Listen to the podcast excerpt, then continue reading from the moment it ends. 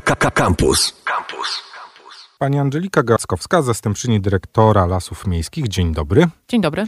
Będziemy, no właśnie, zaczął nam już się tak na dobrą sprawę w weekend sezon y, na lasy, no bo to chyba było, było czuć i było widać, że warszawiacy gromnie ruszyli do, do, do naszych pięknych lasów e, warszawskich i około warszawskich. Oj tak, oj tak. Y, przez to, że była taka przepiękna pogoda, e, wszyscy warszawiacy byli na jakichś terenach zieleni, w lasach również, czego niestety skutki widzimy, widzimy dzisiaj w postaci ogromnej ilości śmieci do posprzątania na polanach i w lesie, ale również w postaci y, sporej ilości komentarzy na Facebooku, na różnego rodzaju grupach, e, chwalących się aktywnością w lesie, albo na przykład narzekających na to, że w takich miejscach jest jednak bardzo duży tłum i przebywanie bywa niekomfortowe. No, w związku z tym to jest dosyć trudny temat, jak połączyć przyjemne z pożytecznym i udostępniać te lasy w taki sposób, żeby to było bezpieczne i dla lasu, i dla ludzi. No tak, właśnie sobie uświadomiłem, że ja biegając dzisiaj rano y, przy warszawskiej Wiśle po dzikiej jej stronie, byłem delikatnie zszokowany tym, co tam się dzieje y, mhm. i mimo tego, że nie było jakby bardzo widoczne i wydawało mi się, że jednak ludzie y, poszli po rozum do głowy przy, przy tym hucznym świętowaniu pierwszych ciepłych dni, to jednak y, no, zwierzyna około warszawska zrobiła swoje i skrupulatnie te wszystkie śmieci porozwlekała po, po tym pięknym, pięknym terenie. No właśnie, będziemy mówić o tym, jak się w takim razie powinniśmy dobrze zachować i na co warto zwrócić uwagę, o czym być może nie zdajemy sobie sprawy, stawiając nasze kroki y, w lasach, które do naszej pięknej Warszawy mm, należą. O czym w takim razie warto pamiętać? E, świetnie Pan wspomniał o tych dzikich zwierzętach, e, ponieważ faktycznie ta nasza obecność na tych terenach leśnych e, to nie jest tylko korzystanie przez nas z otwartej przestrzeni, ze śpiewu ptaków, przez, z powietrza, e, ale również duży wpływ na dzikie zwierzęta. I możemy mieć taki wpływ na, powiedzmy, na dwa sposoby. Na, w taki sposób pośredni i bezpośredni. E, I ten wpływ taki pośredni na dzikie zwierzęta może być dużo bardziej dojmujący niż ten bezpośredni, bo raczej nasz pies, nawet jeżeli go nielegalnie spuścimy ze smyczy, w większości przypadków nie zagryzie, nie zabije jakiegoś zwierzaka. E, my też raczej nie, nie, nie spowodujemy ogromnych zniszczeń w środowisku leśnym. To te ślady naszej obecności czyli na przykład hałas, hałas, nasz zapach, który płoszy dzikie zwierzęta, tak? Ale również te odpadki, które pozwalają dzikim zwierzętom kojarzyć człowieka z, z czymś dobrym, czyli z pożywieniem, czyli oswajają dzikie zwierzęta, e, to te takie, takie mm, skutki są dużo bardziej dalekosiężne i często później wracają do nas negatywną obecno, negatywnym powiedzmy odbiorem takiej nadmiernej obecności dzikich zwierząt w mieście. I mam tu na myśli przede wszystkim dziki, e, no bo dziki bez powodu w mieście nie żyją i żyją przede wszystkim poza lasami, żyją na terenach zieleni i często tam E, gdzie po prostu my im zostawiamy coś dobrego do jedzenia. Mm, więc, więc to jest taki, taki negatywny wpływ. Na to raczej powinniśmy uważać, korzystając z terenów zieleni, no bo oczywiście tereny leśne to nie tylko jedyne, w których warszawiacy przebywają. Warszawa e, ma bardzo dużo terenów otwartych, 40% powierzchni miasta to są różnego, różnego rodzaju tereny zieleni. To jest po, prawie połowa więc tak w zasadzie, patrząc, patrząc statystycznie, to wcale nie mamy takiego bardzo zabetonowanego miasta i z tych terenów jednak należy, e, należy korzystać powiedzmy odpowiedzialnie i ostrożnie. E, pozostawianie śmieci to również możliwość zapruszenia ognia, e, to również możliwość zjedzenia czy utknięcia jakiegoś zwierzęcia w na przykład plastikowej puszce, plastikowej butelce, czy jakieś, nie wiem, skaleczenia się na przykład, tak?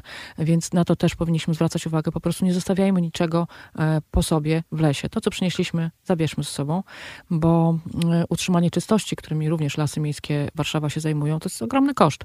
To są setki tysięcy e, złotych e, rocznie, w, no, w ostatnim roku ponad 800 tysięcy złotych, wyrzucanych tak naprawdę w błoto, a w zasadzie wyrzucanych na wysypisko śmieci i za chwilę do spalarni. Więc no, to są pieniądze, pieniądze pochodzące z podatków płaconych przez podatników i byłoby lepiej, gdyby trafiły na coś bardziej pożytecznego niż po prostu zbieranie śmieci. Byłoby bardzo miło też, gdyby urządzenia, które budujemy w lesie, no nie padały ofiarą zniszczenia i na przykład nie stanowiły e, drewna e, na ogniska, e, również nielegalne ogniska, nie stanowiły takiego materiału palnego, bo, bo ich odbudowa również jest dosyć kosztowna i też jest finansowana z naszych podatków.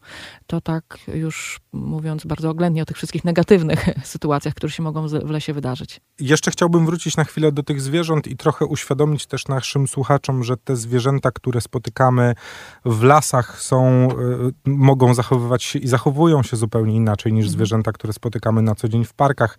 No może warto wyłączyć wiewiórki, które mimo swojej no właśnie natury nadal pozostają dzikie i trochę nie przyzwyczajają się do człowieka, no ale chociażby patrząc na ptaki, które w dużych parkach warszawskich kompletnie nie mają żadnych oporów przed ludźmi, no to jednak jak nawet wyjedziemy kilka kilometrów od y, dużych parków warszawskich i przeniesiemy się do lasów, tam te, ptaki zachowują się zupełnie inaczej. Mhm. E, wszystkie zwierzęta są bardzo mądre i mają bardzo duże zdolności adaptacji do otaczającego środowiska, co w naturze, w takiej naturze pozbawionej człowieka oczywiście umożliwiało im przeżycie w również zmieniających się warunkach życiowych, bo, to, bo te zmiany, które obecnie, których obecnie jesteśmy świadkiem, to nie są jedyne zmiany chociażby klimatu, tak, które następują, więc zwierzęta mają ogromną możliwość adaptacji e, do, do zaistniałej sytuacji. I mm, no tutaj mm, trochę muszę odczarować te wiewiórki, bo wiewiórki wcale nie pozostają takie dzikie, dzikie, czego przykładem na przykład jest populacja wiewiórek e, w Parku Łazienkowskim albo chociażby w Lesie Lindego. One są bardzo przyzwyczajone do człowieka i, i ten, ten dystans się mm, zupełnie zmniejszył, bo po prostu są dokarmiane. Niestety zdarzają się takie przypadki padnięć wiewiórek i było kilka przypadków takich dziwnych padnięć w Lesie Lindego, ale ostatnio również słyszałam, że w Łazienkach e, wiewiórki padły ofiarą nie wiadomo jeszcze, czy choroby, czy być może jakiegoś innego e, zjawiska, może się po prostu czymś zatruły, bo, bo jednak osoby odwiedzające dokarmiają bardzo różnymi rzeczami. Być może coś tam, coś niestety, co, coś tam się wydarzyło. W każdym razie te, te zwierzęta trafiły do badań, więc mam nadzieję, że się niedługo dowiemy, co, co się wydarzyło. Faktycznie zwierzęta im bliżej człowieka, tym, e, tym zachowują się inaczej w stosunku do takiego, do takiego, do takiej dzikości, którą byśmy, e, której byśmy od nich oczekiwali. E, w związku z tym te, które są w pobliżu, łącznie z wilkami, bo wilki też są coraz bliżej nas i też zmieniają swoje zachowanie, faktycznie zmieniają zachowanie, dostosowują się do tego, co im dajemy, starają się z tego korzystać jak najlepiej mogą i robią to bardzo skutecznie. I tutaj, ale odpowiedzialność leży po naszej stronie, bo to my powinniśmy przewidywać skutki naszego zachowania i jednak starać się nie oswajać tych zwierząt nadmiernie, ale z drugiej strony też nie traktować na przykład takich zwierząt jak łosie, które mają bardzo duże, tak, bardzo dużo takiego pozornego spokoju, flegmatyczności, nie traktować na przykład jako obiekty, z którymi można sobie zrobić zdjęcie. Bo to, że zwierzę pozwala do siebie blisko podejść, to nie znaczy, że w jakimś momencie dla nas niewiadomym, nie przekroczymy jego bariery, tej odległości, która sprawi, że poczuje się zagrożone i nas nie zaatakuje. Łoś może zaatakować człowieka i takie przypadki ataku się zdarzają, mm, a może być też taka sytuacja, że takie zwierzę jest chore. E, Warszawa jednak jest takim obszarem zagrożonym wścieklizną i zdarzają się przypadki zwierząt chorujących na wściekliznę, gdzie już w wyniku uszkodzeń neuro, neurologicznych zwierzęta również nie zachowują odpowiedniego dystansu, ale taki kontakt z takim chorym zwierzęciem, które najczęściej wtedy kończy się pogryzieniem, podrapaniem, może być dla nas śmiertelny, bo wścieklizna jest śmiertelną chorobą. Więc, więc... A nawet jeśli nie, to zastrzyki przeciwko wściekliźnie Oczywiście. nie są niczym przyjemne. E, teraz już może są troszeczkę bardziej przyjemne niż kiedyś, ale nadal to jest niebezpieczna sytuacja, w związku z tym no, musimy na to też uważać. Jest jeszcze jedno bardzo ważne pytanie, skoro już jesteśmy przy tym otwarciu sezonu e, leśno-parkowego. Gdzie można palić ogniska w Warszawie? Jeżeli chodzi o tereny leśne, to mamy tylko dwie polany, na których jest, na których jest dopuszczane e, użycie otwartego ognia. Jest to polana w Lesie Młocińskim przy ulicy Papierusów i w Lesie Kabackim niedaleko ulicy Rydzowej, Maślaków czy Muchomora. Tam są właśnie takie ulice o specyficznych grzybowych nazwach, łatwo to zapamiętać. Więc tylko w tych dwóch miejscach można e, palić ogniska. Są tam oczywiście wyznaczone miejsca do palenia ognisk. Są takie specjalne wybetonowane misy. Jest też e, dostarczane drewno na opał, w związku z tym no, apelujemy o to, żeby nie palić wiatr, raczej skorzystać z tego przygotowanego materiału. No i też y, nie zachęcamy do chodzenia po lesie i szukania na własną rękę opału, bo o ile gdyby to zrobiła jedna osoba, to te szkody przyrodnicze nie będą zbyt duże, ale jeżeli e, kilka tysięcy osób e, wchodzi gdzieś do jakiegoś lasu i, próbuje znaleźć cokolwiek palnego, no to te szkody przyrodnicze są bardzo duże już, więc, więc raczej proszę takich rzeczy nie robić, bo to jest po prostu niekorzystne dla środowiska. Skoro już jesteśmy przy tym temacie dzikich zwierząt, to musimy też nieco powiedzieć o ośrodku rehabilitacji zwierząt, które już od lat działa w Warszawie, które właśnie takim zwierzętom po perturbacjach pomaga. Tak. E, ośrodek Rehabilitacji Dzikich Zwierząt e, działa przy Lasach Miejskich Warszawa od 2008 roku, e, więc jest już całkiem sporo. I od 2015 mamy swoją siedzibę przy ulicy Korkowej i tu również istnieją zabudowania obiek- ośrodka rehabilitacji, bo oczywiście ośrodek rehabilitacji to jest, to jest, to jest budynek, ale nie, nie budynek jest najważniejszą, najważniejszą częścią tego ośrodka. Najważniejszą częścią są te wybiegi zewnętrzne, bo dzikie zwierzęta tym się różnią od człowieka, że nie potrzebują namiastki szpitala one potrzebują namiastki natury. W związku z tym staramy się e, przygotowywać im e, takie wybiegi i takie miejsca do rehabilitacji, do odchowania, które będą jak najbardziej zbliżone do warunków naturalnych, po to, aby ośrodek, mogąc pełnić swoją funkcję, czyli przywracając te zwierzęta do natury, mógł je przywracać jak najlepiej przystosowane i jak najmniej oswojone z człowiekiem. Więc ta część zewnętrzna, to otoczenie ośrodka jest jak najbardziej istotne w tym, w tym momencie. No to jest takie miejsce, które widzimy na przykład z filmów przyrodniczych, tak? Gdzie, tak. gdzie na przykład w Afryce takie zwierzę, takim zwierzętom się po prostu pomaga wrócić do zdrowia i wypuszcza się je na łono natury, starając się no właśnie jak najmniej ingerować. Jakim zwierzakom w takim razie się pomaga? E, pomagamy dosyć dużej ilości zwierząt, bo e, rocznie to już w ostatnich latach e, przekraczamy 1300-1400 osobników, ale w większości pomagamy małym zwierzakom. Zdecydowanie nie, jest, nie są to rozmiary fauny afrykańskiej, tylko raczej małe zwierzęta, przede wszystkim jeże, wiewiórki, nietoperze. One stanowią około 70% pacjentów ośrodka, ale mm, te zwierzęta trafiają do nas w zasadzie z dwóch powodów. Jeden powód jest taki, że faktycznie coś im się w życiu złego przydarzyło i na przykład padły ofiarą kosiarki, ataku jakiegoś drapieżnika, czy, czy po prostu zostały gdzieś znalezione na przykład jeże w okresie hibernacji, ktoś po prostu sprzątał ogród, znalazł takiego jeża, lub na przykład nietoperze próbowały przezimować u kogoś na balkonie, za szafą, w jakimś, w jakimś pomieszczeniu gospodarczym i ktoś się znalazł, przywiózł do nas, to jest, to jest taka jedna grupa zwierząt, e, ale druga grupa zwierząt, która dla mnie jest taka najbardziej, najbardziej przykra, najbardziej bolesna, to są małe zwierzęta, które są porywane. I to, te zjawiska porwań y, są bardzo intensywne wiosną i wczesnym latem, czyli wtedy, kiedy te małe zwierzęta się pojawiają. Człowiek ma bardzo dużą potrzebę pomagania wszystkiemu za wszelką cenę i czasami niestety robi to ze szkodą właśnie dla tych małych zwierząt, które po prostu nie są w stanie uciec, a w swojej naturze mają przebywanie e, na przykład w ukryciu, pod krzaczkiem, pod jakąś kępą traw, w oczekiwaniu na rodzica, który przyniesie im coś do jedzenia, tak, albo po prostu nakarmi. I taki problem dotyczy ptaków, podlotów, które często są porywane w, te, w, tak, w takim okresie, kiedy już nie przebywają w gnieździe, ale jeszcze nie potrafią bardzo sprawnie latać, ale są zaopiekowane i karmione przez rodziców, ale również takich zwierząt, na przykład jak małe sarny, małe zajączki, bywa, że małe łosie, ale też mm, borsuki, dziki i tak dalej też. Mm, wszystko to, co niezbyt sprawnie ucieka. Czyli takie zwierzęta, e, które w, tych, w, tym początkowym okresie życia nie poruszają się bardzo sprawnie, ich strategią jest ukrycie się e, w jakimś miejscu przed drapieżnikami, a e, rodzic, najczęściej mama, przychodzi raz na jakiś czas po prostu to zwierzę karmi, ale przebywa w pobliżu, ale nie bezpośrednio przy maluchu, po to, żeby nie przyciągać uwagi drapieżników swoją obecnością. Tak? Więc, e, więc tutaj znowu muszę wrócić do psów, bo często osoby spacerujące z psami puszczonymi luzem po prostu takie zwierzęta znajdują. Po prostu psy doprowadzają swoich opiekunów do takich zwierząt. No i człowiek widząc takie, takie, taką małą sarenkę lub małego Mój twierdzi, kochany pies, taki mądry, tak, znalazł tak, porzucone, porzucone, należy mu pomóc, ja go uratuję, przynoszą do nas takie zwierzęta i te zwierzęta są, nie, nie mamy możliwości zwrócenia ich po kilku godzinach już w to miejsce w którym, w którym często nawet nie wiadomo, z którego zostały zabrane. Trudno jest to ustalić. Mm, ale po takim czasie też te zwierzęta no, są na tyle złym stanie, bo często są zestresowane, odwodnione, tak? Musimy je zacząć karmić, musimy się starać jakoś utrzymać je przy życiu, ale to nie tylko to utrzymanie przy życiu jest tu najistotniejsze. Zawsze problemem jest, jak nauczyć takich zwierzę życia. No bo nie sztuką jest utrzymanie jakiegoś zwierzęcia przy życiu i trzymanie go później przez najbliższe kilka lat, kilkanaście lat w zamknięciu, e, ale jednak powrót tego zwierzęcia do natury, więc to jest największe wyzwanie, czasami bardzo trudne.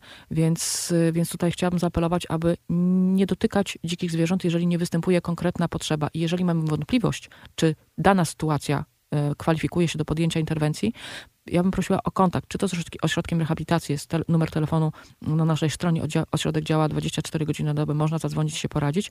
Można również zadzwonić do Straży Miejskiej pod numer alarmowy 986 przedstawić swoją sprawę i tam również pracują, pracują specjaliści, między innymi z referatu środowiskowego i są w stanie ocenić, czy dana, dana, dana sytuacja wymaga interwencji, czy nie. I po prostu doradzić. Więc, y, więc y, prosiłabym, aby tutaj mieszkańcy no, nie pomagali na siłę, bo taka pomoc no, nie zawsze kończy się dobrze dla tych dzikich zwierząt. Czyli przede wszystkim nie bawmy się w superbohaterów mhm. i no właśnie, jeżeli nie jesteśmy specjalistami ze spraw y, no właśnie, zwierzątek, żyjątek, to raczej mhm.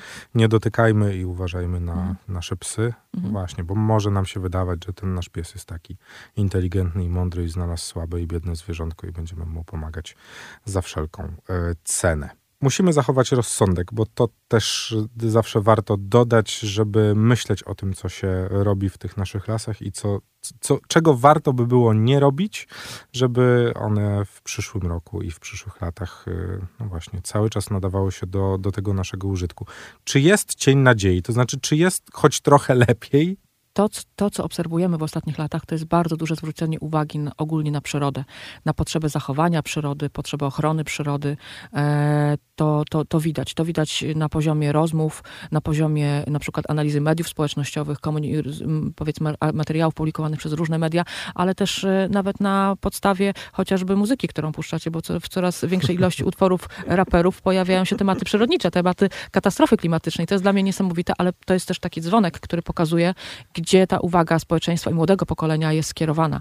Ale ja bym tutaj mm, bardzo chciała zwrócić uwagę, że e, przyroda nie jest czymś stałym przyroda jest procesem i nie wolno podchodzić do przyrody. I czy to w tej najmniejszej, powiedzmy, formie, czyli trawnika przed naszym blokiem, lasku obok naszego bloku, gdzie chodzimy codziennie na spacer, czy w tej, tej ocenie takiej globalnej, nie możemy podchodzić w taki sposób konserwatorski, tak? Zawsze musimy wiedzieć, że ta zmiana e, i czasami zmiana dla nas nieoczekiwana, może być nawet nie, niezbyt przyjemna dla oka, ona jest czymś naturalnym. Nie możemy oczekiwać, że to będzie, to nasze otoczenie będzie zawsze stałe, a niestety często tak, takie, y, y, takie podejście konserwatorskie, czy nawet wręcz tak taka rachunkowość przyrodnicza jest bardzo popularna, czyli na przykład dzielenie przyrody na gatunki y, chronione i niechronione, tak? Na, na liczb, lasu, dzielenie lasu na liczbę drzew. To jest najgorsze, co możemy zrobić. Między tymi organizmami występuje bardzo wiele połączeń, powiązań. Szczęście nawet nie jesteśmy w stanie sobie y, zdawać sprawy. W zasadzie nie istnieją w tej chwili żadne modele, które byłyby w stanie prześledzić przepływ, te, przepływ e, materii, energii tak, w przyrodzie. To nie jest, przy obecnej technice nie jesteśmy w stanie tego zrobić, więc ten, ten, ten system jest bardzo skomplikowany, e, ale my jesteśmy jednym, jednym z, ich, z tego elementów i musimy siłą rzeczy, chcąc żyć, korzystać w miarę rozsądny sposób. Więc mm, ocenianie jedno, jedno, tak powiedzmy, jednowymiarowo, na przykład pozyskania drewna, jednowymiarowo negatywnie, jest nierozsądne, ponieważ my z tego drewna korzystamy w bardzo różnych miejscach, tak? E, ocenianie takiego tradycyjnego myślistwa, czy różnych innych, powiedzmy, sposobów korzystania z zasobów przyrodniczych jednowymiarowo i bardzo negatywnie również nie jest rozsądne, bo to ma przy tym, jak bardzo zaburzyliśmy mm, populację dzikich zwierząt, chociażby takim e, intensywnym rolnictwem. E, w zasadzie no, nie ma możliwości innego gospodarowania populacjami dzikich zwierząt. Tak? Pozostawianie wszystkiego samopas i tylko procesem naturalnym w jakimś momencie zagrozi nam, więc musimy mieć też świadomość jak bardzo ten mechanizm jest skomplikowany i jak bardzo takie jednostronne, czy to y, powiedzmy materialistyczne i takie destrukcyjne podejście do, do, gospodarowania jakimiś e, zasobami jest złe, ale również pozostawianie y, wszystkiego samemu sobie również nie jest dobre dla nas. Więc gdzieś ta, ta droga złotego środka jest najlepszym, e, najlepszym chyba wyjściem e, i, i oddzielenie emocji od przyrody w i skupienie się jednak na merytoryce, tak? Słuchanie, posłuchanie specjalistów z różnych stron i wyrobienie sobie własnego zdania będzie najlepszym, e, najlepszym wyjściem, ale właśnie bez tego nawisu emocjonalnego, bo to utrudnia racjonalne spojrzenie.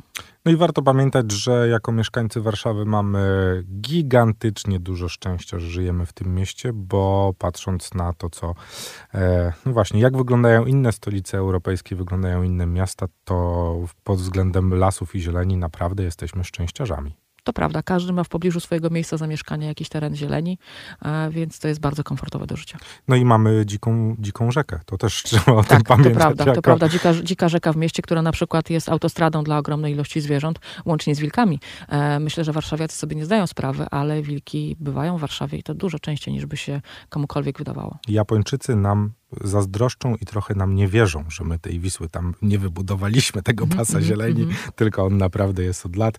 No ale my jako mieszkańcy cza czasem nie zdajemy sobie z tego sprawy, z jakim tak na dobrą sprawę skarbem przyrodniczym y, przychodzi nam obcować na co dzień.